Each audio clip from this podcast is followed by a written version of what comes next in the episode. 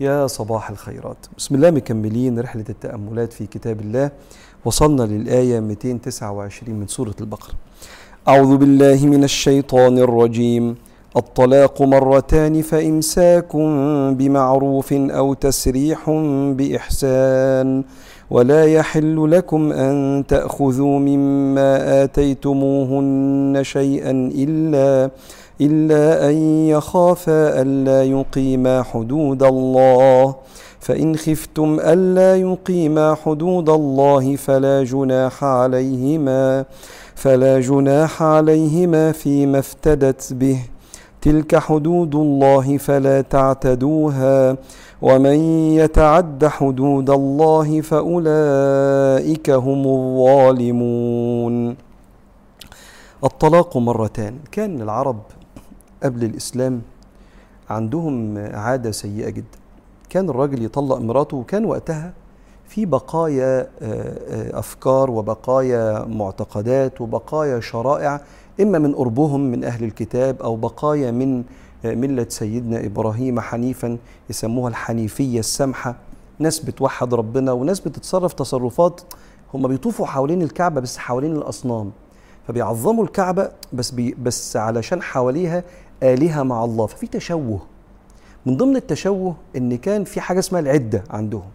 بس ما كانش في عدد للطلاقات فكان الراجل يطلق مراته ويسيبها في العدة ويجي قبل ما العدة تخلص يرجعها. وبعدين عايز يضايقها فيطلقها وبعدين قبل ما العدة تخلص يرجعها. وبعدين يعمل كده تاني لغاية ما ممكن كان يعمل 100 مرة الموضوع ده. فتفضل الست متعلقة لا هي تحررت من الزيجة دي سواء هي غلطانة ولا هو الغلطان خلاص وإن يتفرقا زي ما ربنا بيقول يغني الله كلا من سعته. شوف الآية وإن يتفرقا يغني الله كلا من سعته. ما مش كل اللي متطلقين وحشين. في ناس كانت وحشة وأذت بعض لازم ينفصلوا. عشان ما يأذوش بعض أكتر من كده وتبقى العيشة كلها مشاكل. وفي ناس كويسين بس مش متفقين. المشاكل بينهم كتير مش عشان هم ناس وحشة أو شريرة. مفيش اتفاق. خلاص ينفصلوا وربنا يكرم الجميع. لكن يطلقها ويرجعها ويطلقها ويرجعها. فجين نزل الشريعة؟ لا. هما ثلاث مرات. الأولى رجعية.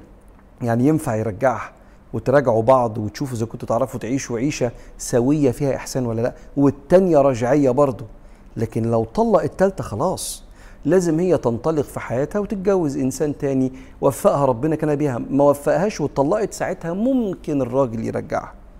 وبالتالي ربنا بيقول الطلاق مرتان. فإمساك بمعروف أو تسريح بإحسان. يا إما نتفق إن إحنا نعرف نعامل بعض بإكرام وتبقى عيشة طبيعية مبنية على المشاركة والرحمة مش المغالبة والأذية. أو تسريح بإحسان. وهنا في الكلمة دي مهمة أوي. الإحسان هو جمال في المعاملة أضعاف المعروف. المعروف ما تعارف عليه الناس من حسن الأخلاق. الإحسان أعلى من كده. فاكر الكلمة عند الفراق تظهر الأخلاق. فإحنا لما بنسيب بعض أنت المفروض تطلق طلاق يليق بأخلاقك. وأنت كمان أثناء الانفصال تصرفاتك تليق بأخلاقك وتربيتك. يبقى ده اسمه إيه؟ اسمه التسريح بإحسان. طيب لما الراجل بيطلق مراته لازم يديها حقوقها كلها؟ فاداها المهر بتاعها ولسه في حاجة اسمها المؤخر وعندها نفقة العدة ونفقة المتعة. فمش المفروض إن الراجل يعاقب الست بحرمانها من حاجة زي كده. فربنا بيقول الطلاق مرتان فإمساك بمعروف أو تسريح بإحسان. ولا يحل لكم يا رجالة أن تأخذوا مما آتيتموهن شيئا. وانت بتطلقها اكرمها. اكرمها عشان ده حق ربنا وهيتكلم ربنا بعد شوية وتلك حدود الله. فلا يحل لكم أن تأخذوا مما آتيتموهن شيئا.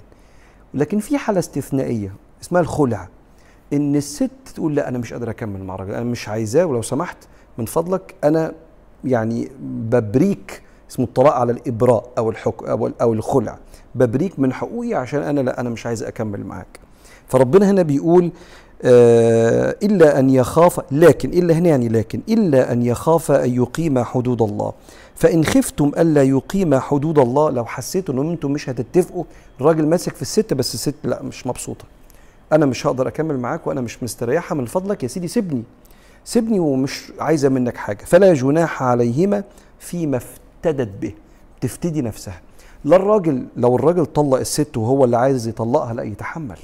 تحمل تكاليف الصداق اللي هو المؤخر تحمل تكاليف نفقة العدة نفقة المتعة. لو الست هي اللي عايزة تنفصل عن الراجل تخلعه تطلقه على الإبراء برضه ما هو تكلف تكاليف كتيرة في الجوازة دي وفي الإنفاق. فلا هو يبقى خسران لو هي مش عايزاه ولا هي تبقى خسرانة لو هو مش عايزها. فكأن في ضبط في المسألة دي. وكان سيدنا قيس بن شماس جت مراته لسيدنا النبي تقول له يا رسول الله إني أكره الكفر في الإسلام.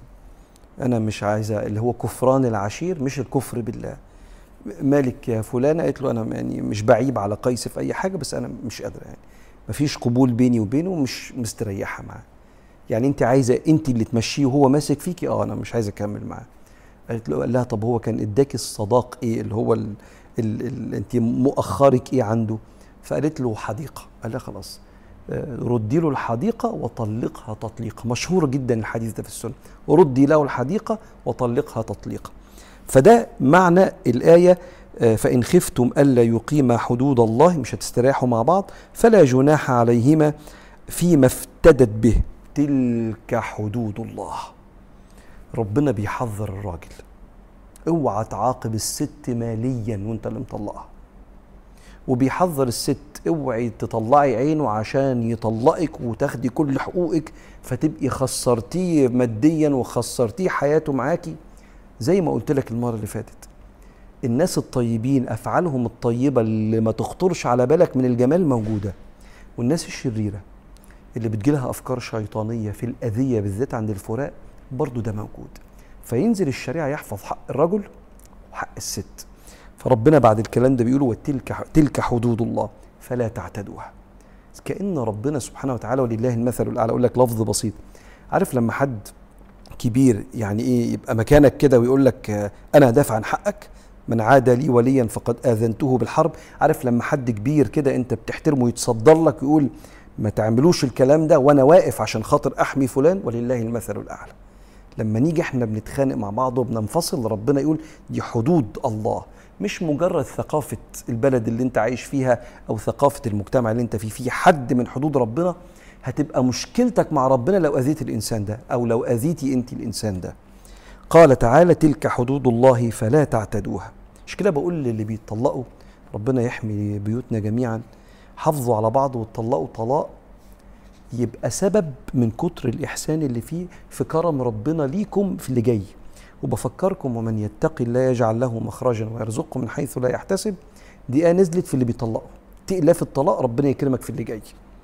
قال تلك حدود الله فلا تعتدوها ومن يتعد حدود الله أثناء الطلاق ده فأولئك هم الظالمون. يعيش ظالم ويبعث في ركاب الظالمين. فالست تاخد بالها والراجل ياخد باله وهم في العشرة الحسنة وياخدوا بالهم 100 مرة في وقت الطلاق الطلاق والفراق. صباح الفل والخيرات والبركات. تقابل المرة الجاية على خير إن شاء الله.